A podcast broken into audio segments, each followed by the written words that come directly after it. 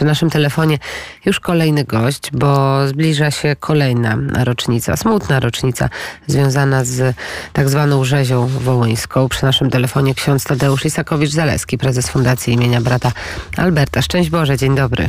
Szczęść Boże, witam serdecznie. No wielkimi krokami zbliżają się obchody. 11 lipca 43 rok to ta tak zwana krwawa niedziela, czarna karta w dziejach polsko-ukraińskich. Nie zapominamy o tym. Ksiądz przecież też mm, o tym nie zapomina. Zbliża się także konferencja wielkimi krokami. 9 lipca Wołyń czas debaty, ale zanim zaczniemy mówić o Wołynie, proszę księdza, to może na początek pytanie o papieża Franciszka. Bardzo czekamy na papieża. Przypominamy, że zaproszenie pozostaje otwarte. Może przyjechać każdego dnia. Jesteśmy gotowi przygotować jego wizytę.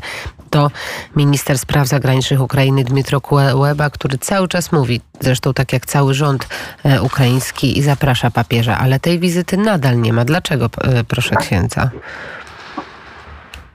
No jest to sprawa dość smutna, dlatego że od początku agresji Rosji na Ukrainę wypowiedzi Ojca Świętego, e, papieża Franciszka, no są, mówiąc najdelikatniej, kontrowersyjne. I myślę, że tu Ojciec Święty, co mówię z dużą przykrością, pogubił się e, w tej sprawie. Trzeba pamiętać, że każdy z papieży jest nie tylko głową Kościoła katolickiego, ale także głową państwa, watykańskiego, które jest podmiotem prawa międzynarodowego. I tutaj niestety e, Ojciec Święty bardziej zachowuje się jak polityk, a nie jako głowa Kościoła.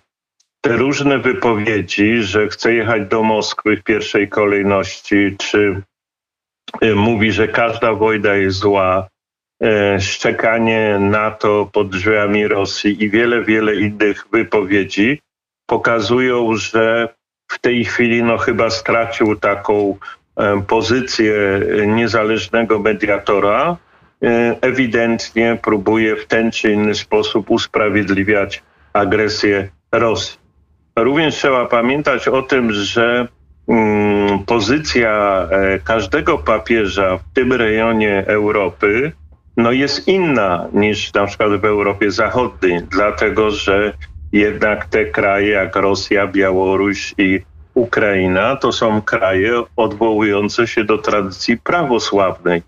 I tu bardziej mm, mm, pole do działań ma choćby patriarcha Konstantynopola jako honorowy zwierzchnik prawosławia.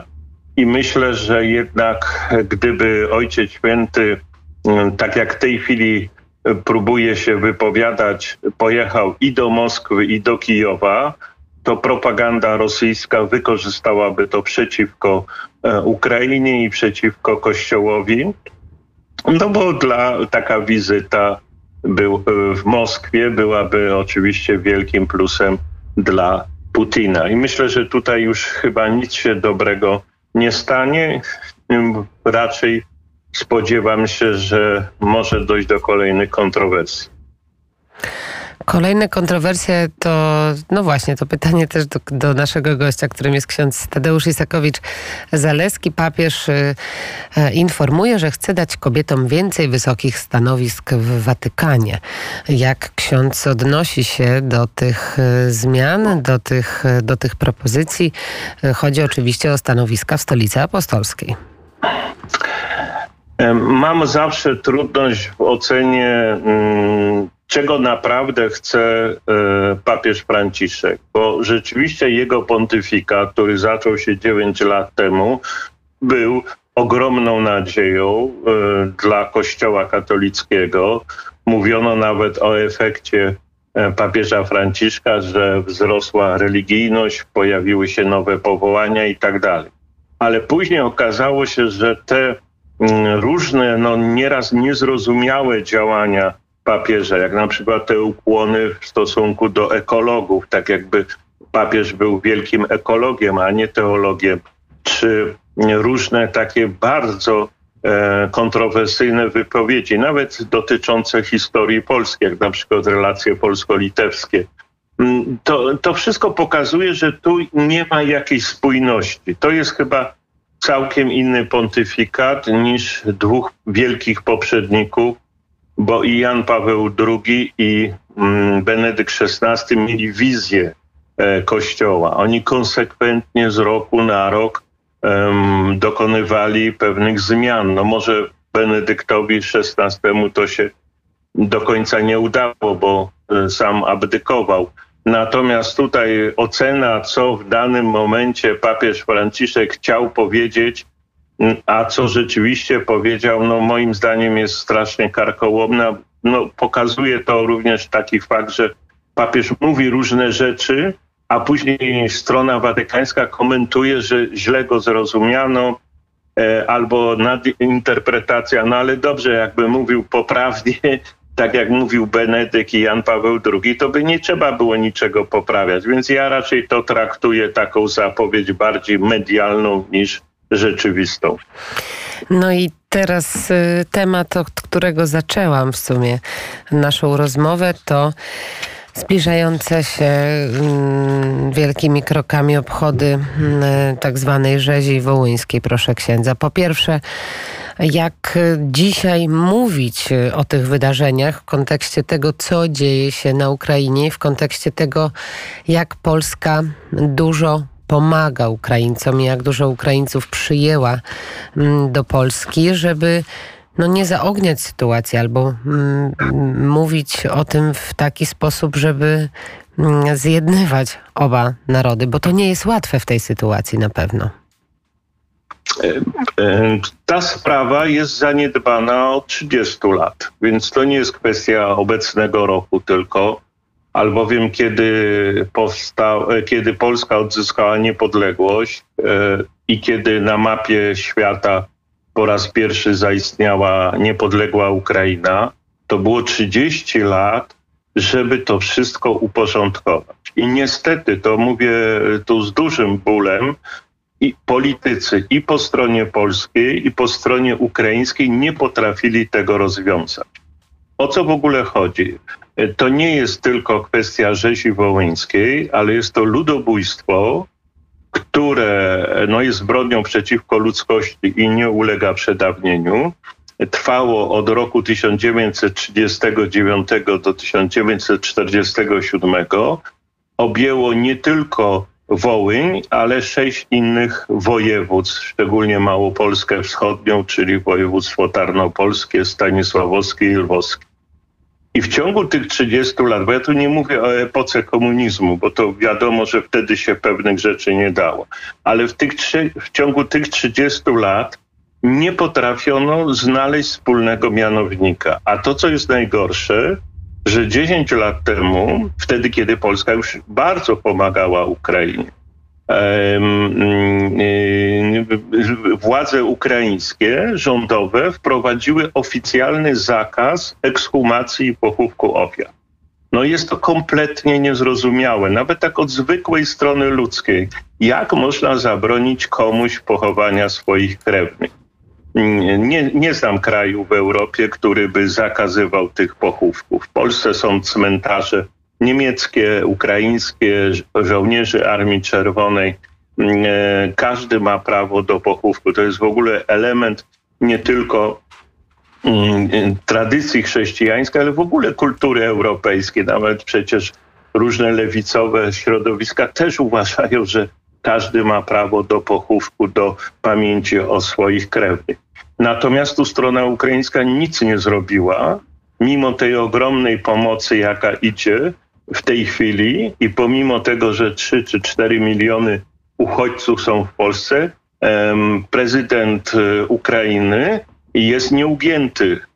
Mimo, że tak widzimy te piękne sceny, jak się ściska z prezydentem e, e, Polski, jak sobie prawie przepraszam za kolokwializm, spijają z ust swoje słowa. Natomiast tu jest blokada totalna. To jak Teraz dzisiaj to... wygląda stan faktyczny, proszę księdza, jeżeli chodzi no, właśnie o te pochówki? Jest... Nie ma, nie ma. Od dziesię... Ostatni odbył się w 2013 roku. I teraz na co, y, co się dzieje? Po prostu odchodzą świadkowie. Odeszło już pokolenie moich dziadków, rodziców, lada moment będzie odchodzić to pokolenie, do którego ja należę, czyli dzieci, które się urodziły już po II wojnie światowej w Polsce. Blokowane to jest. Nie widać ze strony polskiej jakiejkolwiek w ogóle e, próby przełamania tego impasu. Pan prezydent Andrzej Duda był w Kijowie i ani jednym słowem się nie zająknął e, na ten temat. E, I to wszystko jest blokowane, więc myślę, że to jest tak, że to powstaje ogromny wrzut, który rośnie. I jeżeli coś będzie przeszkadzało w tej chwili relacjom polsko-ukraińskim, to ta bezradność totalna polityków, którzy nie, nie, mogą, a moim zdaniem nie chcą tego problemu rozwiązać. To tak jak lekarz widzi, że pacjent jest chory, ale stoi z założonymi rękami i czeka po prostu na zgon e, tego pacjenta. Mm, pani wspomniała, że idzie wielkimi krokami ta rocznica, tylko to jest, e, ja tu muszę jasno powiedzieć, w tym roku nie ma uroczystości państwowych. Nie słyszałem, żeby pan prezydent, pan premier i inni w Ale ogóle chcieli. we wcześniejszych latach były przecież, prawda? Ale oczywiście i to jest właśnie pytanie do polskich polityków, dlaczego oni abdykowali w tej sprawie. Są wyłącznie społeczne mm, uroczystości. Ja to wyraźnie podkreślam. To są uroczystości organizowane oddolnie przez oczywiście rodziny ofiar, które są takiej sytuacji jak rodziny katyńskie w czasie komunizmu, czyli są wypchnięci poza e, życie społeczne. E, organizują przeróżne podmioty patriotyczne, społeczne, niektóre redakcje prawicowe, ale część się też od tego dystansuje. I, wszystko, i ta konferencja, która będzie jutro, czy wmurowanie kamienia węgielnego pod pomnik w niedzielę, to wszystko jest oddolne. Tutaj strona państwowa całkowicie się wycofała. E, pan prezydent odmienia przez wszystkie przypadki słowo Ukraina, pojednanie, przebaczenie, ale równocześnie nie chce pojechać na Wołyń, nie chce pojechać do Lwowa i nigdy nie był w tym Lwowie. Nie udał się na cmentarz Orląt Włoskich, no więc kto to ma za nas robić? Chińczycy, Amerykanie będą się przejmować mm, polskimi problemami. Myślę, że w tej chwili e, doszło do tak poważnego impasu, że, że przynajmniej e, można już powiedzieć, że ta ekipa rządowa nie jest w stanie cokolwiek zmienić. Jeszcze jest jedna rzecz, która myślę bardzo boli rodziny kresowe, stały czas biorę udział w tych wydarzeniach, to jest próba obgłaskania ludobójców, czyli właśnie słynne już niestety niechlubne wypowiedzi choćby byłego premiera pana Jana Olszewskiego, który mówi, że Bandera nie był odpowiedzialny za Wołyń, a UPA wcale nie jest odpowiedzialna za ludobójstwo, no bo walczyli później z Sowietami, czy nie cała UPA jest e, temu winna. Na pewno znany, znany pani redaktor, e, kolega po, po fachu, pan Marcin Wolski, nie tylko broni Bandery i mówi, że on w ogóle nie miał nic wspólnego z ludobójstwem, to jeszcze próbuje porównać jego ofiarę, czyli ministra spraw wewnętrznych generała Bronisława Pierackiego, który został zamordowany przez banderę, banderowców, do e, carskiego policmajstra, czyli próbuje się odkręcić całą historię, pokazując, że w sumie no to UPA coś tam kogoś zamordowała, ale w sumie oni walczyli z Sowietami, więc trzeba zapomnieć. I myślę, że ten rok moim zdaniem będzie przełomowy, ale w znaczeniu negatywnym przełomowym. To znaczy będzie blamaż całej klasy politycznej, bo to nie dotyczy tylko partii rządzącej, ale innych ugrupowań też. I społeczeństwo, które widzi, że zostało porzucone przez polityków. No, co, czy to wpłynie na pomoc dla, Ukra- na, dla Ukrainy? Nie, bo ja widzę to wyraźnie, sam biorę czynny udział e, w pomocy e, dla uchodźców z Ukrainy staram się pomagać. To są głównie uchodźcy z Ukrainy Wschodniej. Fundacja, którą prowadzę, Fundacja Brata Alberta, ma w tej chwili już 180 osób pod swoją opieką. Będzie pomoc. Być może na, na poziomie społeczeństw dojdzie do e, po, takiego porozumienia. Natomiast zakaz pochówków istnieje nadal. Nic strona polska w tej sprawie nie zrobiła. Być może będą 11 lipca jakieś puste obietnice, ale właśnie puste, bo żadnych czynów nie ma. I rozejście się takie tutaj między władzą a społeczeństwem. My oczywiście Państwa bardzo serdecznie zapraszamy na te społeczne, jak mówi nasz gość ksiądz Tadeusz Isakowicz-Zaleski, obchody Narodowego Dnia Pamięci Ofiar Ludobójstwa dokonanego przez ukraińskich nacjonalistów na obywatelach II RP. Budynek Pasty, ulica Zielna 39. Jutro najpierw o godzinie 13 msza święta w intencji ofiar. Uroczyste otwarcie o 14, a później już liczne debaty. Między innymi ksiądz Tadeusz Isakowicz-Zaleski, Ewa Siemaszko, która badaczką jest ludobójstwa od wielu e, lat, Adam Chlebowicz, Paweł Lisicki, Jan Pospieszalski i inni inni. E, o 19.45 projekcja filmu Czas Pamięci Ewy Szakalickiej.